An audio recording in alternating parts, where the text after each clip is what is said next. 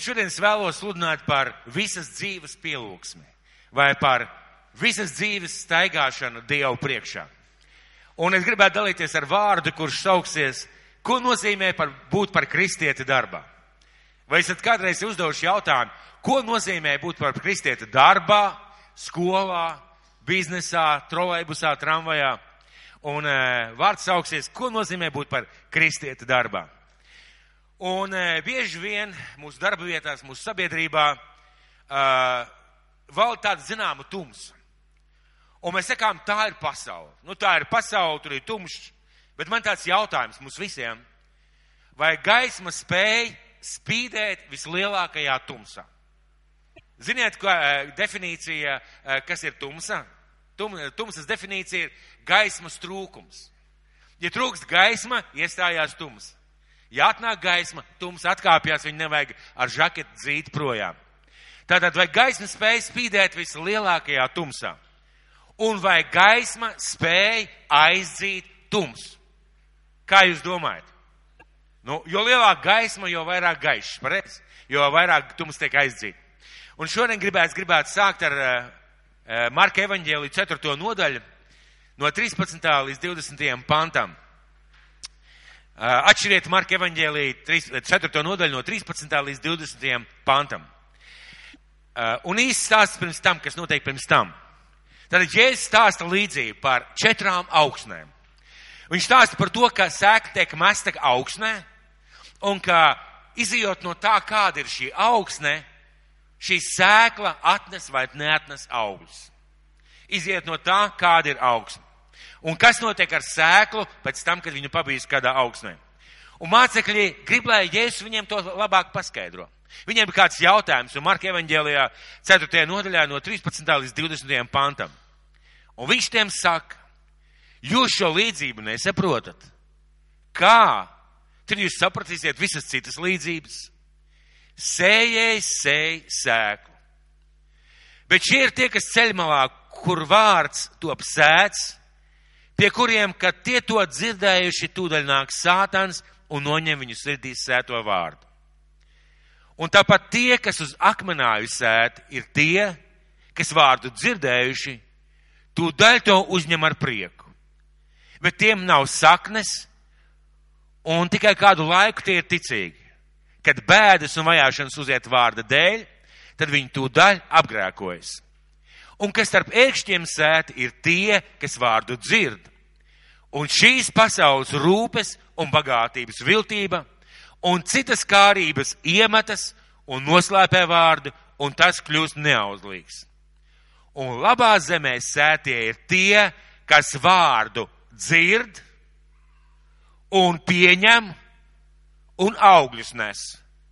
30 kārtīgus, 60 kārtīgus un 100 kārtīgus. Runāja par to, kā mēs uzņemam vārdu.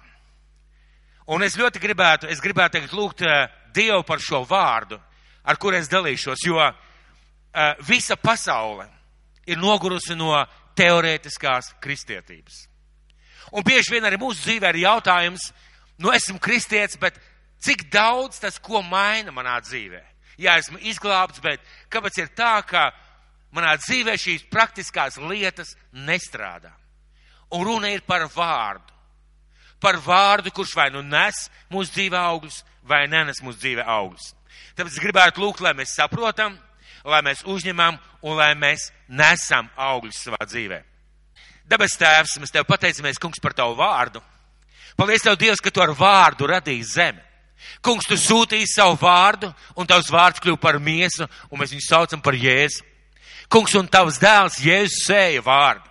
Sēja savos mācekļos, sēja cilvēkos, un caur Bībeli sēja arī mūsos. Mīļais kungs, svētī, ka mēs šo vārdu saprotam. Dabas tēvs svētī un palīdz, ka mēs šo vārdu spējam uzņemt un uzņemam. Un dabas tēvs svētī, ka šis vārds nes mūsu dzīvē augļus. Dabas tēvs, tad mēs to lūdzam tava dēla Jēzus Kristus vārdā. Un svētais gars palīdz mums. Ko nozīmē par kristieti būt darbā? Skolā, sabiedrībā, daudz dzīvokļu mājā, mūsu valstī un tur, kur mēs dzīvojam. jaunieši, vai esat uzdevuši tā, sev tādu jautājumu, ko nozīmē būt par kristieti skolā? Tie, kas strādā kādā privātā kompānijā, vai es uzdevuši jautājumu, ko nozīmē būt par kristieti kādā privātā kompānijā? Un tie, kas strādā valsts darbu, vai pensijā, vai dzīvo daudz dzīvokļu mājā, vai es uzdevuši kādu jautājumu, ko nozīmē, jebkā tam vajadzētu izskatīties, ka es, kristietis, dzīvoju šajā mājā, dzīvoju šajā valstī vai strādāju šajā darbvietā, kā tam vajadzētu izskatīties. Un Mateja evaņģēlijā Jēzus kaut ko pasaka par mums Dievu bērniem. Viņš pasaka kādas interesantas lietas. Un Mateja evaņģēlijas 5. nodaļa, 14. līdz 16. pants. Mateja evaņģēlijas 5. nodaļa, no 14. līdz 16. pantam. Jūs esat pasaules gaišums. Pilsēta, kas stāv kalnā, nevar būt apslēpta. Nevar būt apslēpta. Trešoreiz teikšu, nevar būt apslēpta. Ja mēs esam pilsētā, jeb gaišums kalnā, mēs nevaram būt apslēpti. Sveci iedzinājis, neviens to neliek zem pūra, bet lukturī, tad tā spīd visiem, kas ir namā. Tāpat, lai jūsu gaisma spīd ļaužu priekšā, ka tie ierauga jūsu labos darbus un godā jūsu tēvu, kas ir debesīs. Un godā jūsu tēvu, kas ir debesīs. Šī vieta mums pasaka, ka mūsu gaismai, jeb tai gaismai, kas mūsos nāk no Kristus, viņai jāspīd ļaužu priekšā. Viņai ir jābūt redzamai, viņai jābūt ir pamanāmai. Jautājums ir, ja es mācos kādā iestādē, kam vajadzētu notikt caur mani, kādā veidā notikt, lai Dievs tiktu pagodināts, ja tu mācies skolā, ja tu esi kādā klasē, un tu esi kristietis, vai tu tici, ka ir Dievs, kā tam vajadzētu parādīties tavās mācībās, tavās attiecībās ar klases biedriem, tavās attiecībās ar skolotāju, kā tam vajadzētu parādīties. Kāpēc mēs esam pasaules gaišums? Mēs esam pieraduši tā teikt, mēs esam pasaules gaišums. Kāpēc mēs esam pasaules, gaišums? Pirmām kārtām pasaules gaišums tāpēc, jo mēs dzīvojam pasaulē. Mēs esam šajā pasaulē. Jēzus mūs sūtīja uz šo pasauli. Viņš neteica, ziniet, man tur kalnā ir 73 tādas mazas celītes, ieiet, tur būs jūsu dzīves vieta uz mūžiem, un jūs būsiet svēti un taisni. Viņš teica, es jūs sūtu kā tēvs mani sūtīja, tā es jūs sūtu šajā pasaulē. Un eh, ļoti svarīga lieta, jo Dievs ir ar mums. Mūsos ir Dievs. Viņš mūs mīl, mūsos ir svētais gars, un viņš, svētais gars mūsu skolotājs un vadītājs, un Jēzus mūs ir iededzinājis, un viņa gaisma spīd pasaulē caur mums. Viņa gaismai būtu jāspīd pasaulē caur mums. Kas ir pasaule? Tā vieta, kur tu atrodies. Tā vieta, kur tu dzīvo. Tā vieta, kur tu mācies. Tā vieta, kur tu strādā. Tā ir tā vieta. Un, eh, ziniet, mēs esam dalībnieki viņa lielajā misijā. Parādīt šai pasaulē Dievu mīlestību, ceļu pie Dieva un glābšanu. Mēs esam šajā iesaistīti vistiešākā veidā Dieva šajā misijā. Un pirms dažiem svētkiem mēs runājam par to, ka parasti mēs ticību Kristum, jeb kalpošanu Dievam saistam ar aktivitātēm draudzēm. Jā, vajag kalpot draudzēm. Bībelē saka, ka mēs esam Kristus miesa, jeb ķermenis, kur katrs loceklis izpilda kādu savu pienākumu, kādu savu darbu, kādu savu kalpošanu. Mums vajag kalpot draudzē, mums vajag būt kādā kalpošanā. Bet mūsu lielākais laiks, mēs arī runājām par to, paiet ārpus baznīcas darbā, sabiedrībā, skolā, trolēbusā, braucot kādās vietās. Un kad mēs domājam par savu sekošanu Kristam, mēs ļoti bieži to nesaistām ar savu laiku ārpus lūkšanas istabas, ārpus dievkalpojuma, ārpus draudzes aktivitātēm, ārpus bībeles lasīšanas. Mēs ļoti bieži savu kristīgo ticību nesaistām ar to laiku, kas ir ārpusē. Mēs sakām, tā ir pasaule, nu tur ir pasaule, esmu kristietis, es dzīvoju savā iekšējā mazajā pasaulītē. Kāpēc? Kāpēc tā notiek, ka mēs to nesaistam bieži vien ar savu darbību, darbību pasaulē? Jo mēs domājam, tā ir pasaule. Vai jūs esat dzirdējuši tādu teicienu, tā ir pasaulīga dziesma? Un bieži vien man nācies domāt, paga, paga, paga, cik pasaulīga. Iet runa par mātes mīlestību. Ko mēs domājam ar vārdu pasaulīgi? Ja tajā tiek slavināts, teiksim, trīs lietas, man liekas, kapītī stāv vasaras dziesmas un alus, tad tā ir pasaulīga dziesma. Ja tajā dziesmā dzied ceļš uz elli, kā to dzied kāda roka grupa, tad tā ir pasaulīga dziesma. Bet, ja dziesmā dzied par labiem tikumiem, ja dzied par labām lietām, vai tas ir tik ļoti pasaulīgi? Tāpēc, ka tur nepiemina vārdu Jēzus un katrā otrā vārdā nesaka slava Kristum. Mums būtu vērts par to padomāt. Jo, redziet, mēs bieži vien uh, nesaistam savu dzīvi ar, un savu kristietību, savu ticību Dievam ar to laiku, kur mēs dzīvojam ārpus baznīcas. Tāpēc, ka mēs sakam, tā ir pasaule, tā mūs nesapratīs, mēs neko nespējam mainīt.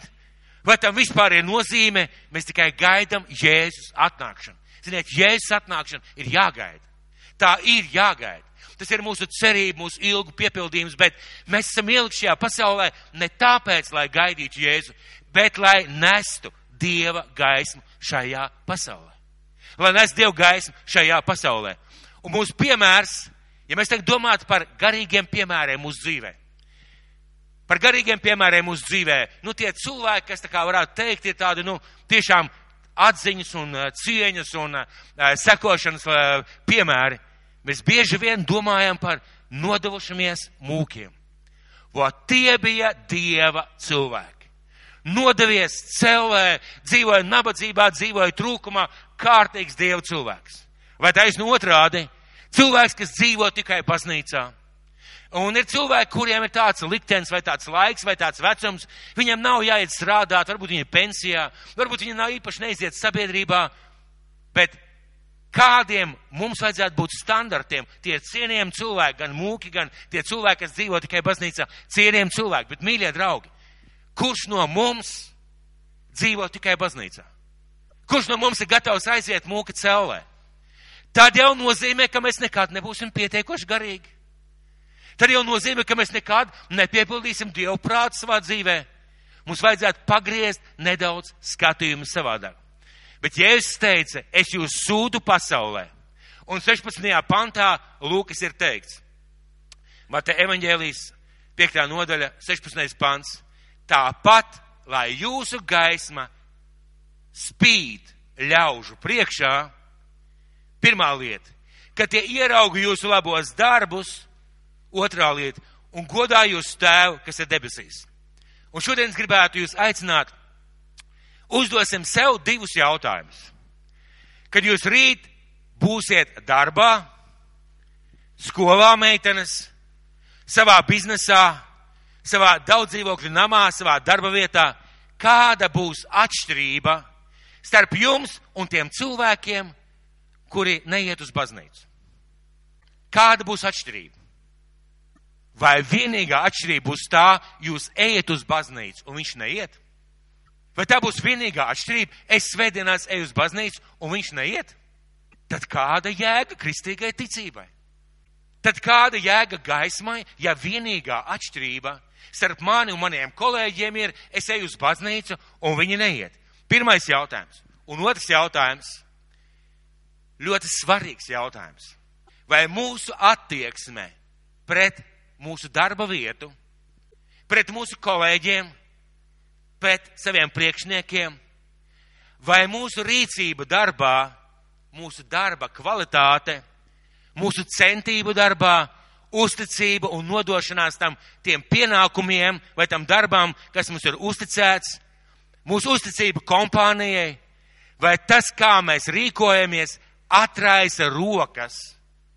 Es gribētu vēlreiz atgādināt, atraisa rokas, dod Dievam iespēju spīdēt caur mums? Vai tas atraisa Dievam rokas un dod Dievam iespēju spīdēt caur mums? Svētīt tos cilvēkus, kas ir mūsu kompānijā vai darbā, svētīt mūsu teikšim, kompāniju, celt darba vietu, darīt veiksmīgāk šo darba vietu, vai darīt labāk mūsu apkārtni un mūsu valsti.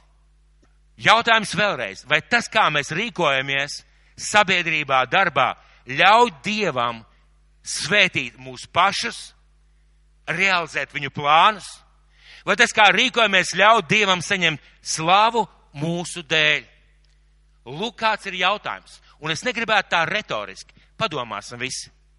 vai tas, kur tu esi, tava skola, tavs darbs, tavs bizness, kā tu izturies pret kolēģiem, pret darbu, pret pienākumiem, pret priekšniecību, vai tas Dievam atraisa rokas spīdēt caur tevi? Vai taisni otrādi? Vai tas pieņēmis lēmumu, ka tam nav nekādas nozīmes? Nepareizā kristīgā domāšana ir viss Dieva rokās. Viņš pats visu izdarīs. Jā, bet tā ir puspatiesība. Jā, Dievs ir pašpietiekuši, bet tā ir puspatiesība. Jo Dievs darbojas caur cilvēkiem. Jūs varat apskatīties Bībelē, lasīt vietu no vietas, kur jūs varat ieraudzīt, ka Dievs darbojas caur cilvēkiem. Un es gribu jums parādīt kādu līdzību. Vai jūs zināt, kā Jēzus daudz runāja līdzībās? Ja? Zinat, ka Jēzus runāja daudz līdzībās. Kurš zina, ka Jēzus daudz runāja līdzībās? Daudz zina, ja? Es jums gribu parādīt kādu līdzību. Kas tas ir? Kas tas ir? Kas tas ir? Krāns, pareizi? Krāns, pie kura pienāk un aiziet kaut kādas trubas. Uh, mēs esam kā krāni priekš Dieva un pasaules. Jūs teiksiet, nē, nē, nē, Jāni, es neesmu no misiņa. Man nav sarkanas cepurītes, man nav pievadītas caurulas, es neesmu nekāds krāns. Es gribu jums paskaidrot. Pie krāna pa cauruli, teiksim, no augšas, no debesīm, pa šejieni, pienāk ūdens, pienāk svētības, pienāk gudrība, pienāk izdošanās. Mums viss ir dots. Bet mēs esam tikai tie, kas atgriež sevi. Mēs esam kā krāns, kas sevi atgriež. Saprotiet, Dievs mums ir devis, mēs esam gaisma. Bet ja krāns ir ciet, kas var spīdēt caur šo krānu? Kāds ūdens var iet caur krānu, ja krāns ir ciet? Ja mēs nedaudz atgriežam, ziniet, šeit sāk spilēt kaut kāds pilīts, pareizi? Ja mēs atgriezīsim vairāk pa šo krānu, vairāk ies ūdens, un ja mēs atgriezīsim riktīgi, pa, to, pa šo krānu caur šļūta, šīm trubām šļāksies ūdens. Un mēs esam kā krāns, mīļie. Un tikai mūsu rokās, saprotiet mani pareizi, tikai mūsu rokās ar Dieva palīdzību ir atgriezt šo krānu. Un uz kurien tad tas ūdens caur mums tek? Uz pasauli, mīļie. Uz pasauli, un tas ir tas, kas pabaro pasauli, tā varētu teikt. Padzirda, pabaro, izmaina, apūdeņo, apslaka, sauciet kā gribiet. Sakiet, kad krāns pats, labi, mēs svētiem pasauli, bet kad krāns pats ir svētīts? Kad viņš ir ciet. Pareizi? Nevienu nav jādalās. Ne nevienu priekšā nav jāatbild. Nekas nav jādara. Krāns vienkārši ciet. Kā jūs domājat, vai krāns ar to ir svētīts? Viņš aizsērē pamazām. Tieši tā. Ja kāds kādu krānu ilgi nav griezis vaļā, ziniet, kas beigās ir jādara? jāzāģē nost un jāmet ārā. Viņš vienkārši aizsērē, viņš sakaļķojas, viņš turpat arī paliek. Kad krāns ir svētīts, kad krāns ir atskrūvēts, kad caur viņu plūst ūdens, kad notiek kaut kāda darbība, tad krāns ir svētīts. Uh, nepien, ja, ja krāns ir ciet, nepienāk jauns ūdens, un kad viņš ir vaļā, pienāk šis jaunais ūdens. Kas ir šis jaunais ūdens? Dieva svētība, Dieva žēlastība, Dieva klātbūt, Dieva projekti, visas lietas, ko Dievs spēj mums iedot. Es speciāli novietoju šo te līdzību šeit priekšā, lai jūs viņu varat apskatīt, nepārtraukt, spredīt garumā. Un, ziniet, mēs esam tie krāni šajā pasaulē. Un uh, pagriezies pēc krājumņu un pasaki, lai būtu pieklājīgāk, tu esi kā krāns. Pasaki savam kaimiņiem, tu esi kā krāns. Eva, pasaki tur meitenēm aizmugurē, jūs esat kā krāns. Jautājums ir, jautājums ir, vai mūsu rīcība, vai mūsu motīvi, vai tas, kā mēs izturamies savā darbā, pret darba kolēģiem, pret priekšniecību, pret savu kompāniju, pret savu skolu, pret savu klasi, vai tas atraisa dievam rokas, svētīt pasauli un spīdēt pasaulē, vai tas neatraisa? Atbilde ir viennozīmīga. Tas atraisa dievam rokas. Kā dievam var sasiet rokas? Vai kāds dievam vispār var sasiet rokas? Izrādās, ka var. Es pats personīgi tām lietām, ko Dievs grib caur man darīt, es varu aizskrūvēt ciet. Bet es varu atgriezt arī vaļā. Tas man kaut ko maksā, bet es varu atgriezt arī vaļā. Un tas ir ārkārtīgi svarīgi to saprast. Mums cilvēkiem vajag piemēru. Dievs dod mums piemērus. Dievs dod piemērus, lai mēs ieraudzītu, kāds ir Dievs, kā viņš rīkojās, lai mēs ieraudzītu, kādi ir viņa motīvi, un lai, viņš, lai mēs ieraudzītu, kā mēs varam piedzīvot, ja mēs staigājam ar viņu. Ko mēs varam piedzīvot, ja mēs staigājam ar Dievu un runies par visas dzīves kristietību, par mūsu laiku, mūsu darbā, mūsu, mūsu darba attiecībās un tur, kur mēs esam lielāko daļu savas dzīves. Un es gribu jūs vest uz pirmo mūsu grāmatu. Pirmā mūsu grāmata, 37. nodaļa, pirmais pants. Pirmā mūsu grāmata, 37. nodaļa, pirmais pants. Stāsts būs par Jāzepu un 11 brāļiem. Kurš zina šo stāstu par Jāzepu un 11 brāļiem? Aicinu pacelsim rokas visi, kurus zina. Daži nepacēla, tā tad nezina. Stāstu. Tas prasīs laiku, bet stāstu. Tātad dzīvoja reiz Jāzeps un 11 brāļi. Jāzeps bija mīļākais dēls savā, savam tēvam. 11 brāļi viņu apskaudi, iemeta bedrē. Pēc, uh, negribot nogalināt, pārdeva viņu uh, eģiptiešiem uz Eģipti. Uh, Jāzeps nonāk Eģiptē, Eģiptē viņš kalpo Potifāram, labi kalpo Potifāra namā, viņš tiek apsūdzēts, tiek iemests cietumā.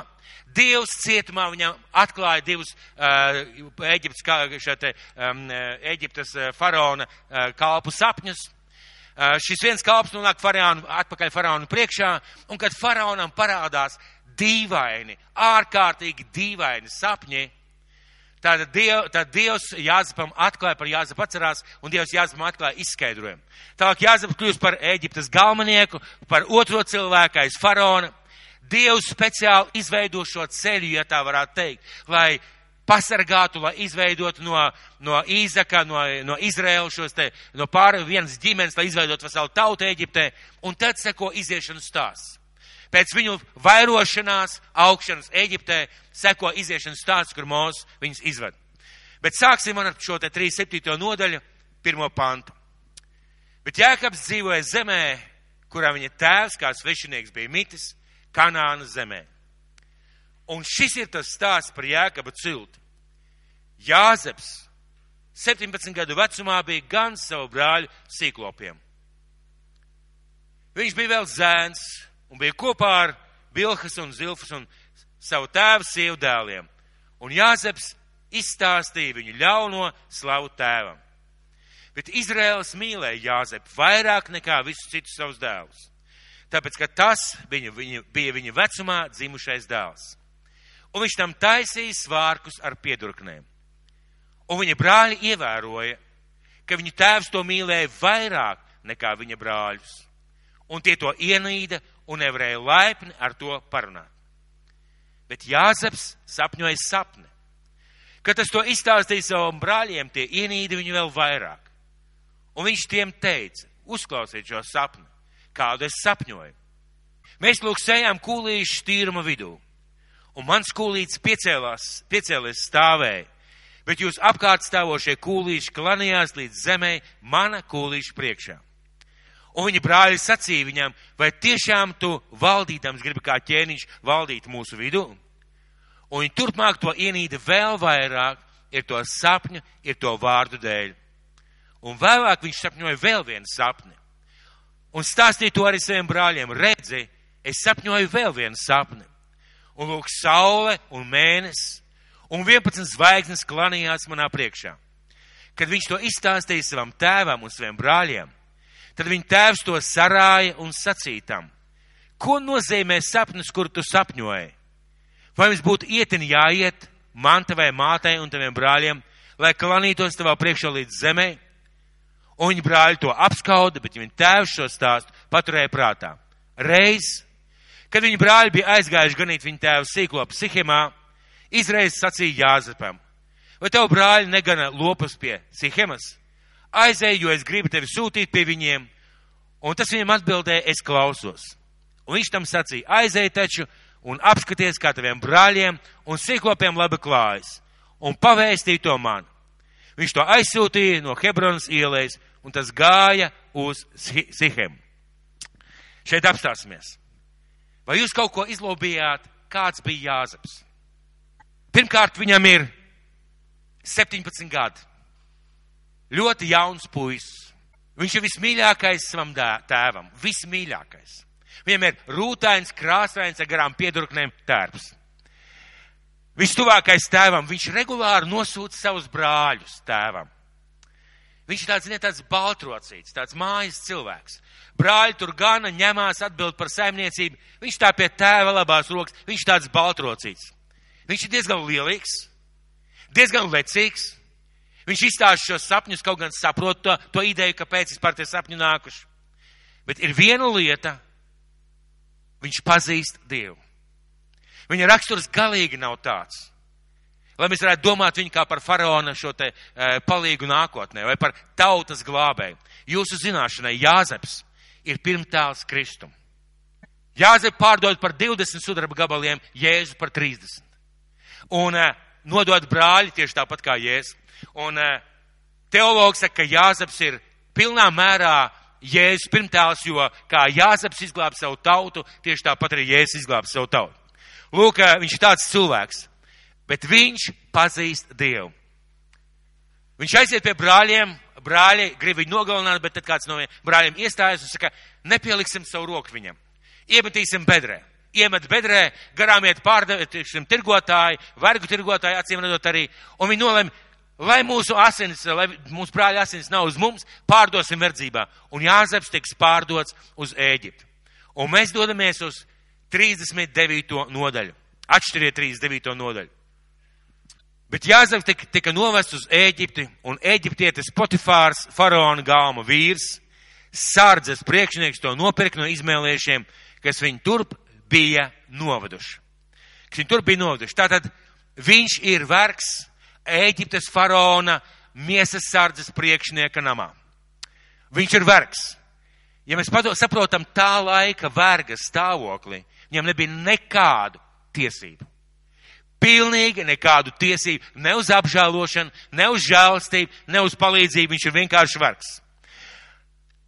Un lasīsim tālāk. Bet tas kungs bija ar Jāzepu un visam, ko vien tas darīja, lika labi izdoties, un viņš piemājoja sava kunga Ēģiptiešu namā. Bet tas kungs bija ar Jāzepu un visam, ko vien tas darīja, lika labi izdoties. Visam, ko tas darīja, lika labu izdoties. Sakiet, vai laba attieksme pret kādu cilvēku parādās uzreiz? Sevišķi, ja tas ir vergs. Vai laba attieksme pret tādu vergu parādās uzreiz? Tā ir jānopelna. Un ziniet, šeit ir interesants stāsts. Un visu, ko tas darīja, liktam labi izdoties. Sakiet, lūdzu, vai jūs zinat tādu teicienu strādāt kā ar baltiem cimdiem. Ir gadījies dzirdēt tādu teicienu. Vai jūs zinat, ko tas nozīmē? Kāds man var palīdzēt? Nu, slinki strādāt. Nu, baidīties rociņus nosmērēt, pareizi. Nu, baidīties kaut kādā veidā pārpūlēties. Mīļie, visa pasaule ir pilna ar cilvēkiem, kuri baidās pārpūlēties. Un lūk, visu, ko tas darīja, liktam labi, kad mums izdodas labi kaut ko darīt. Kad Dievs mūs var svētīt? Kad mēs strādājam ar attiecīgu attieksmi. Pareizi? Vergs, ja viņš ir ievests šajā potifāra namā, viņš nevar izvēlēties, ko viņš darīs. Jeb ko viņam darīt. Ziniet, ko viņš var izvēlēties? Kā?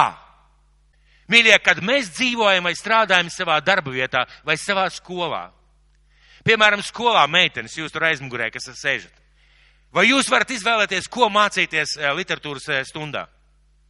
Nevarat, pareizi? Slavu Dievu, mums, mēs neesam verdzības laikā. Bet jūs varat izvēlēties, kā mācīties. Jāzepam bija, nebija iespējas izvēlēties, ko darīt. Viņam bija dota viena izvēle, kā darīt. Un šeit sākās ļoti interesants stāsts, kas saistās ārkārtīgi ar mūsu darbu, ar mūsu, mūsu attieksmi pret cilvēkiem, ar attieksmi pret darba kolēģiem, ar attieksmi pret savu kompāniju, pret savu skolu, pret jebkuru vietu, kurā vietā mēs esam iesaistīti. Tātad mēs varam izvēlēties, kā darīt. Bieži vien mēs strādājam kādā darba vietā, mums nav iespējas izvēlēties, ko darīt. Bet mums vienmēr ir iespēja izvēlēties, kādā veidā darīt. Kāda varēja būt Jāzepa reakcija, kad viņu pārdevu šajā verdzībā un aizved pie Fotifāra, pie, pie Fotifāra, un viņš šobrīd ir vergs. Tā varēja būt sarūktinājums, tas varēja būt aizvainojums, tā varēja būt depresija, naids, apātija. Viņš varēja ienīst Ēģiptes savus brāļus, saimnieku, savus apstākļus, savus pienākumus. Viņš varēja visu laiku kurnēt, kāpēc Dievs to pieļāva. Dievs, kāpēc tu to pieļāvi? Kāda būtu viņa darbība, jeb darbs, ja viņam būtu tāda attieksme? Kā jūs domājat? Padomāsim godīgi. Kad jūs esat savā darba vietā vai skolā vai e, pildat savus pienākumus, ja jums ir tāda attieksme, kāpēc man tas jādara, e, kāpēc vispār kaut kas tāds ir vajadzīgs, vai tam vispār ir jēga, vai tam vispār ir nozīme, man par maz maksā, man par to nemaksā, kāds būs jūsu darbs? Kā jūs domājat? Nu, godīgi. Nu, godīgi.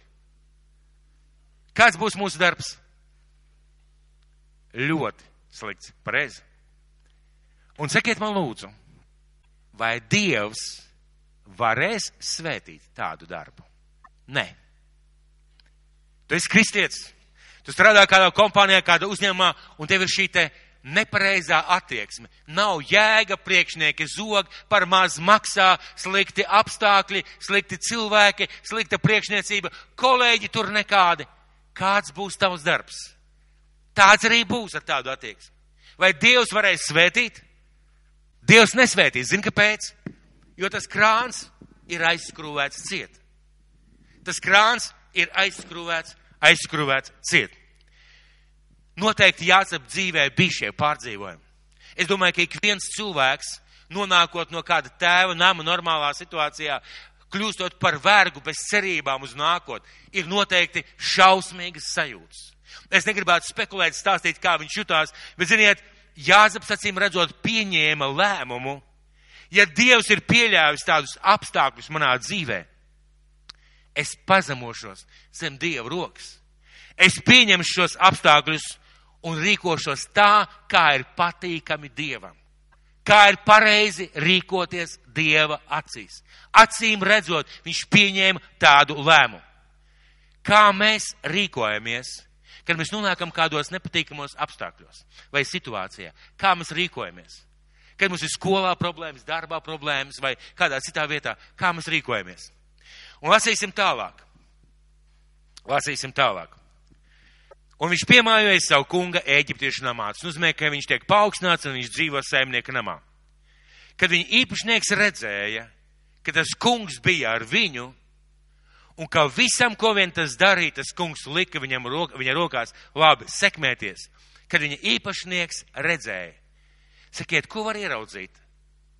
Attieksmi var ieraudzīt, centību var ieraudzīt, izdošanos var ieraudzīt, rezultātu var ieraudzīt, un bez tā Dievs nevar svētīt. Dievs svētīja Jāzepu, Dievs bija kopā ar Jāzepu, un šis te priekšnieks redz, īpašnieks redz, ka caur Jāzepu ir pareizā attieksme, nedabiska attieksme, mīļie, dabiski ir ienīst savu priekšnieku. Dabiski ir kā vergam darīt pēc iespējas mazāk dabiski darīt pēc iespējas sliktāk. Darb, dabiski ir saudzēt sevi, kad mēs esam darbā. Sakiet, kā ir dabiski, kā cilvēki domā? Pēc iespējas mazāk darīt, vairāk nopelnīt, lai citi svētī mani, kāpēc man jāsvētī citus. Pareizi, tāda dabiska reakcija. Šajā gadījumā Jāzeps izvēlās pavisam citu, teiksim, šo te veidu, kā viņš vēlās dzīvot. Tad Jāzeps atrada labvēlību viņa acīs. Viņam kāpodams, Viņš to iecēla par savu nama pārvaldnieku un ielika visu, kas tam bija viņa rokās. Uzticēja savu namu. Jautājums. Mīļās meitenes, kuras mācās, kā jūs domājat, vai jūsu skolotāji jums uzticētu, teiksim, iziet ār, pat ārā no klases un palūgt lūstījus, paskatieties, lai, lai, lai klases biedrs uzrakstu kontroldarbu. Neusticēt. Kāpēc? Jūs esat tik maziņas, varētu būt kāds cits iemesls.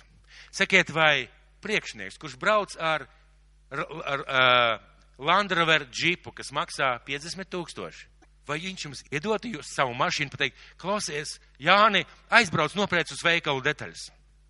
Vai vēl labāk Porsche? Nedotu pareizi. Vai jūs darba priekšnieks, ka viņš brauc kaut kur atvaļinājumā, vai viņš brauc kaut kur komandējumā, vai viņš pateiktu tev personīgi, uzņemies atbildību, parūpējies par šīm lietām, kas te jādara, es pēc kāda laika būšu atpakaļ, pārņem manu vadību. Kā jūs domājat, viņš jums personīgi palūk kaut ko tādu izdarīt? Pamēģināsim atbildēt. Viens cilvēks pacēla roku, pārējie visi noklusēja. Un Potifārs uzticēja viņam visu savu namu. Naudu, līdzekļus, cilvēkus, visu viņam uzticēja. Tas liecina ne tikai to, ka Dieva roka bija ar viņu, tas liecina, ka Jāzepa attieksme verdzībā bija izcila pret tiem pie, priekš, prie, lietām, ko viņš darīja. Kāpēc? Viņš zināja, ka Dievs ir ar viņu. Viņš zināja, kā priekšā viņš stāv. Viņš zināja, ja Dievs ir pieņēmis, pieļāvis, es nedumpošos, taisni otrādi, es būšu par svētību. Taisni otrādi, es būšu ar svētību. Un piektais pants. Un no tā laika, kad viņš to bija iecēlis par pārvaldnieku savam namam, un par visu, kas tam bija, tas kungs svētīja Jāzep dēļ eģiptiešu namu. Un tā kunga svētība bija par visu, kas tam piederēja, ir namā, ir tīrumā. Un četras reizes šajā, šajos pantos rakstīts, tas kungs bija ar Jāzepu. Kā var savienot? Tas kungs bija ar viņu, bet viņš bija vergs. Kā to var savienot? Tas kungs bija ar viņu, bet viņš bija vergs. Kā to var savienot? Tu strādā savā darba vietā, tev maksā vislabāko algu, vissliktāko algu varbūt, un tas kungs ir ar tevi. Tu strādā darbu, kas tev varbūt īpaši nepatiek, bet tas kungs ir ar tevi. Kā to var savienot? Kā var salikt šīs lietas? Un ziniet, šeit mēs nelasam par laimīgo bēgšanas vai apžēlošanas plānu. Jāzeps verdzībā pavada apmēram deviņus vai desmit gadus. Deviņus vai desmit gadus. Bez cerības kādreiz nonākt brīvībā. Un šo deviņu vai desmit gadu laikā viņš tik ļoti iemanto sava saimnieka labvēlību. Dievs tik ļoti svētīja viņa darbu. Dievs tik ļoti svētīja to, ko viņš dara, ka Potifāra labklājība aug.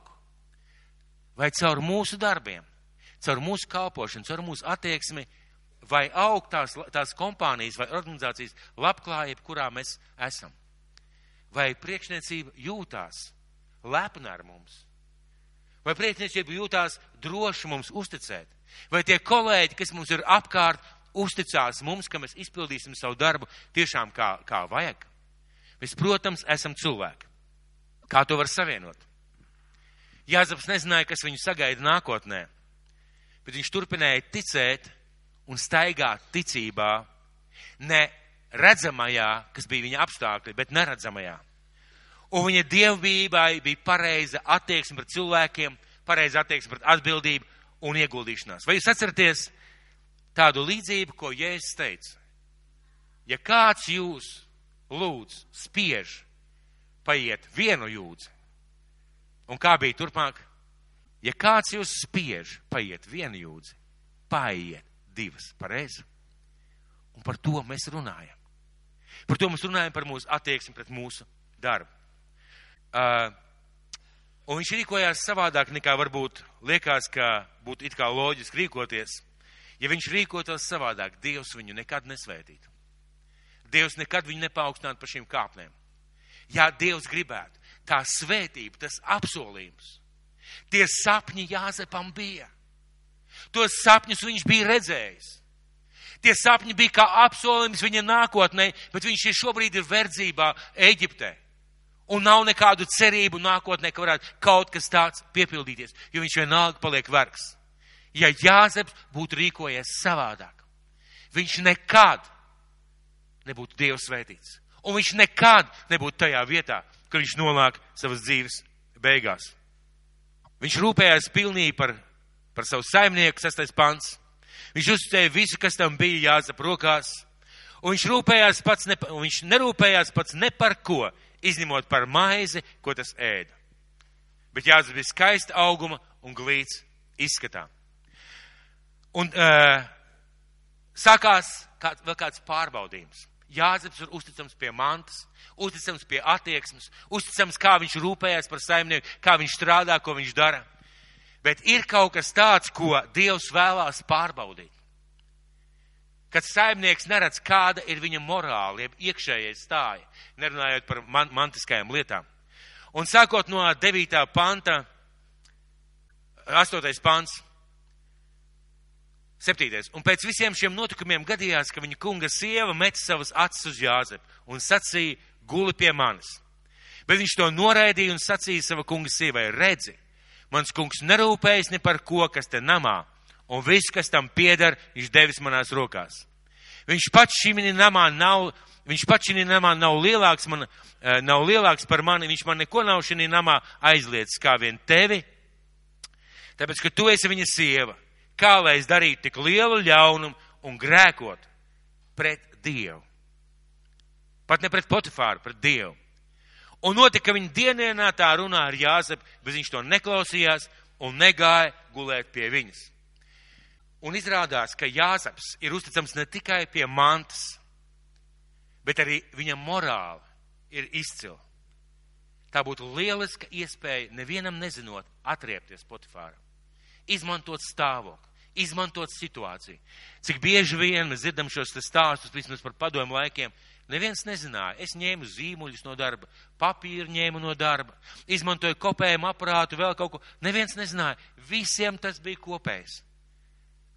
Šajā gadījumā Jāzes parāda arī izcilu morāli. Un viņam ir trīs argumenti. Pirmkārt, jūs neticēsiet, viņš ciena savu saimnieku. Vai mēs cienam savus priekšniekus? Pat, ja viņi nav tādi, kā mums gribētu. Viņš ciena sava saimnieka sievu. Tāpēc, ka viņa ir šī cilvēka sieva. Un viņš bīstās Dievu. Un man vēl gribētos piemetināt. Viņš ciena pats sevi. Kad cilvēks rīkojās nepareizi, kad cilvēks rīkojās slikti, kad cilvēks dara nepareizas lietas, viņš īstenībā neciena pats sevi. Es nesen gāju pa ielu un eh, nonācu pie svetafora. Un stāvēju pie svetafora, un, ziniet, tas svetafors ļoti ilgi neiedegās. Viņš tur skaita tās minūtes. Un ir sarkanā gaismiņa, un uz vienu pusi, varbūt kādu puskilometru attālumā, un uz otru pusi nav nevienas mašīnas. Mana dabiskā reakcija. Paskaties pa labi, pa kreisi, tad pa labi, un dodies pāri ielai, pareizi. Bet es pēkšņi sev pieķēru, vai es, vai es cienītu likumus, vai es cienītu braucējus, vai es cienītu pats sevi. Tas neliels eksāmens. Un lūk, jāsaka parāda, ka viņš ciena saimnieku, ciena sievu, un viņš bīstās Dievu un ciena ar sevi. Viņai īslaicīgi katru dienu, katru dienu nepārtraukti, ilglaicīgi uzmācās Jāzepam. Un viņš katru dienu spēj, spēj pieņemt šo lēmumu bēgt. Un uh, Mēs zinām, kas notiek tālāk. Viņa ar viltību iegūst viņa drēbes, apsūdz viņu, apsūdz viņu, ka viņš ir mēģinājis viņai uzmākties un uh, atnāk saimnieks. Un saks, lasīsim uh, no 20. panta. Un Jāzeps kungs paņēma to un iemeta cietumā, vietā, kur ķēniņi apcietinātie tika apsargāti, un viņš atradās tur cietumā. Ir vēl, paliek vēl sliktāk. Kāpēc Dievs pieļāva kaut ko tādu? Ja kurš no mums pajautātu, ja es esmu bijis taisns, ja esmu bijis uzticams, ja bijis pareizi man attieksme, kāpēc dieļau, Dievs pieļauj kaut ko tādu? Jāzap dzīvē notiek tas, ka viņš tiek iemests cietumā. Padomājiet paši, kur Dievs skatījās. Nu, kur Dievs skatās, kad mans priekšnieks man samazina darbā vai pavelti uzkliedz vai nonicina kolēģi acīs? Vai Dievs to redz? Kā Dievs to pieļāva? Un šajā vietā Jāzepam pilnīgi viennozīmīgi varēja ienākt sarūktinājums, vilšanās, kāpēc Dievs to pieļauj, kā tas tā var notikt, un es nedomāju, ka viņš bija priecīgs. Es domāju, ka tas bija kritiens, nopietns kritiens vēl uz leju, jo no cietuma ārā neiznāk. Bet, ziniet, notiek kaut kas pārsteidzošs. Notiek kaut kas pārsteidzošs. Jā, Dieva roka ir ar Jāzepu. Bet klausieties! Bet tas kungs bija ar Jāzepu un lika tam atrast žēlastību, un tas ieguva labvēlību cietuma priekšnieka acīs. Un cietuma priekšnieks uzticēja Jāzepam visus apcietinātos, kas bija cietumā, un viss, kas bija darāms, to viņš darīja. Un cietuma priekšnieks pats nerūpējās ne par vienu lietu, ko tas bija nodevis viņa rokā. Tāpēc, ka tas kungs bija ar viņu, un viss, ko vien viņš darīja, tas, kung, tas kungs bija tas, kas lika tam labi izdoties. Kā Jāzeps varēja uz, uh, justies, ka viņš nonāk cietumā? Pilnīgi nozīm, viennozīmīgi tā bija varbūt pat traģēdija priekš viņa. Bet viņš turpina uzticēties Dievam. Mīļie, mēs runājam par mūsu darba vietu. Mūs atlaiž no darba. Skolotāji ieliek nepamatot atzīmi. Mani klases biedri, piemēram, uzbrauc vai nosauc tevi par muļķi vai vēl kaut kādu. Tu strādā savu darbu, tu dari labi, un pēkšņi izrādās, ka, tu, ka kāds tevi apmelo, apsūdz vai priekšnieks tevi uzskatās greizi un šķīvi. Kā tu rīkojies? Parasti mēs kaut kā reaģējam. Interesanti, ka šajā piemērā, ko svētais gars mums atklāja, Jāzeps reaģē savādāk. Mēs zinām, kāds, pirmkārt, Dievs dod viņam žēlastību. Viņš atrod labvēlību. Tad kāda viņa attieksme bija nonākot cietumā? Pret cietumu priekšniecību, pret sargiem, pret ieslodzītiem. Tie, kas ir bijuši ieslodzījumā vai saistīti ar to, cietumnieki ienīst sargus. Tie cilvēki, kas ir ieslodzīti, viņi ienīst sargus. Viņiem ļoti nepatīk priekšniecība. Ļoti nepatīk tas, kas tur notiek. Viņiem ļoti nepatīk tas, ka viņi sēž cietumā. Jāzeps rīkojās savādāk, jo viņš staigā Dieva priekšā. Un uh, viņam uztic 22. pants un cietuma priekšnieks uzticēja Jāzepam visus apcietinātos, kas bija cietumā, viss, kas tu bija darāms, to viņš darīja. Sakiet, kāda, kāda attieksme cietumā, uh, teiksim, šiem te sargiem priekšniecībai pret ieslodzītiem? Kā jūs domājat, kāda ir attieksme? Briesmīgi, briesmīgi. Īstais vārds ir briesmīgi. Vai pret Jāzepu izturējās? Ai, mīļais Jāzep, mēs sen tevi gaidījām. Bijām dzirdējuši, ka Potifāra namā tāds labs kalps. Paldies Dievam, tu esi nonācis pie mums. Šeit tev atslēgas, rūpējies par cilvēkiem, rūpējies par cietumu. Mēs paši dodamies pensijā. Vai tā tas apmēram bija, kā jūs domājat? Viņš nonāca tur kā vienkāršs cietumnieks. Dievs dod žēlastību, ka viņu pamana, bet viņa rīcība, viņa attieksme, viņa varbūt vārdi, viņa izteiksme, kā viņš dzīvo šajā cietumā, sāk pievērst cietuma īpaši šī sarga e, uzmanību. Ir viens cilvēks, kas rīkojās savādāk, viens cilvēks, kas domā savādāk, viens cilvēks, kas reaģē savādāk. Ja visi mūs apsaukā un lamā, tad šis cilvēks varbūt pat mūs svētī. Ja neviens nepasaka paldies, varbūt šis cilvēks cietumā pasaka paldies. Ja visi ir nepateicīgi un neapmierināti, varbūt šis cilvēks ir pateicīgs un apmierināts par to, kas viņam ir. Un 23. pants. Un cietim priekšnieks pats nerūpējās ne par vienu lietu, ko tas bija nodevis viņa rokā. Tāpēc, ka tas kungs ar viņu un visu, ko vien viņš darīja, tas kungs bija tas, kas lika tam labi izdiet, izdoties. Ko vien viņš darīja, viņš ieguldījās. Kas, kā jūs domājat, kas notika ar cietumu? Kā jūs domājat, kas notika ar cietumu? Jāzeps atskrūvēja sevi kā krānu. Kā jūs domājat, kas notika ar cietumu, ja rakstīts, ka viss, tika labi, viss labi izdevās? Cietums plauka. Iedomājieties, vislielākā tumsā ienāca gaisma. Cietums mainījās. Cietumnieku apstākļi noteikti mainījās. Priekšniecības skats uz šiem cietumniekiem arī noteikti mainījās cietums plauka. Ziniet, kā kādreiz, man nav tādas bildes, bet, manuprāt, es jau kādreiz tiku rādījis. Es biju Lucavas salā, bija kāds laiks, kad staigāju uz turienu lūgt Dievu. Un tur bija kādi krūmi, Daugavas malā, kādu kociņu ievas, ja nemaldos, kuras bija nograuzuši līdz saknēm uh, bebri. Vienkārši līdz saknēm tur tādi stumbiņi palikuši. Pēc tam kāds virsū bija uzkrāvējis, uzkrāmējis ugunskura un sakūrs, jo tie stumbeņi bija apdeguši. Es atceros, kā tagad es nofotografēju. Atcīmnot bija pagājis kāds pusgads vai gads. Bija izlīduši jauni, jo tur iekšā bija dzīvība. Redziet, lai kādos apstākļos mēs nonāktu, mums iekšā ir. Mums iekšā ir kaut kas tāds, kas spēj izlausties ārā vislielākajā tumsā. Mums ir dota iekšā šī gaisma.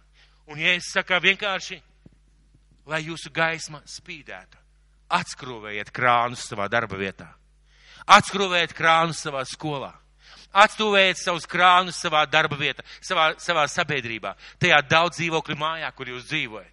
Tajā trolēbusā, tramvajā, tajā rindā, kurā jūs stāvat, atskrūvējiet šos krānus. Kad cilvēki redzēs mūsu labos darbus, viņi godās tēvu, kas ir debesīs. Vai darba vieta, pat vislielākā tumsa, vai gaisma spēja izmainīt šo tumsu? Jā, spēja. Jāzepam pagāja, ja tā varētu pateikt, 13 gadi. Mēs nākamajā dievkalpojumā runāsim par vēl kādu principu, kas ir visā šajā stāstā. Par to, kā Dievs sagatavo kalpotājs. Bet šeit ir stāsts par attieksmi, mīļie draugi. Un tas, kā mums visiem ļoti vajadzētu. Mums vajadzētu šo Dieva attieksmi tajos apstākļos, tajās situācijās, tajās vietās, kur mēs esam. Vai tu varētu pats pateikt sev, tu esi līdzīgs krānam? Pasakiet lūdzu sev, es esmu līdzīgs krānam. Un atkurvēt šo krānu ir tikai mūsu pašu darīšana. Āmen! Devis Tēvs, paldies Tev, kungs, par šo vārdu. Paldies Tev, mīļais Dievs, par šo izcilo piemēru, Tēvs. Ka šis vīrs, viņš nebija templī, viņš nebija svētnīcā, viņš nebija svētos sapulcē, kungs, bet viņš nesa Tavu gaismu. Tēvs, šie cilvēki atzina, ka Tu esi kopā ar viņu. Šie cilvēki redzēja šī vīra attieksmi, vārdus, darbus, motīvus, un iespējams, ka viņi brīnījās. Mīļais kungs, es tev tiešām tēvs lūdzu, svētī, ka mūsu ticība tev, ka tā gaisma, kas ir mūsos, ka viņa spēja izlausties ārā caur mums. Dievs dara mūs par šiem atvērtajiem krāniem, caur kuriem pasaulē plūst gudrība, miers, prieks, žēlastība, svētība, kas ar mūsu darbiem, mūsu darba vietās, mūsu skolās, mūsu mājās, mūsu ģimenēs, kur mēs dzīvojam, plūst tas, ko tu vēlies tur plūst. Kungs, un lai vislielākā tumsā, kas vien varētu būt, lai šī gaisma atnāk un izmaina tumsu. Tāpēc tās svētīgi vien šajā zālē. Jēzus Kristus vārdā. Amen!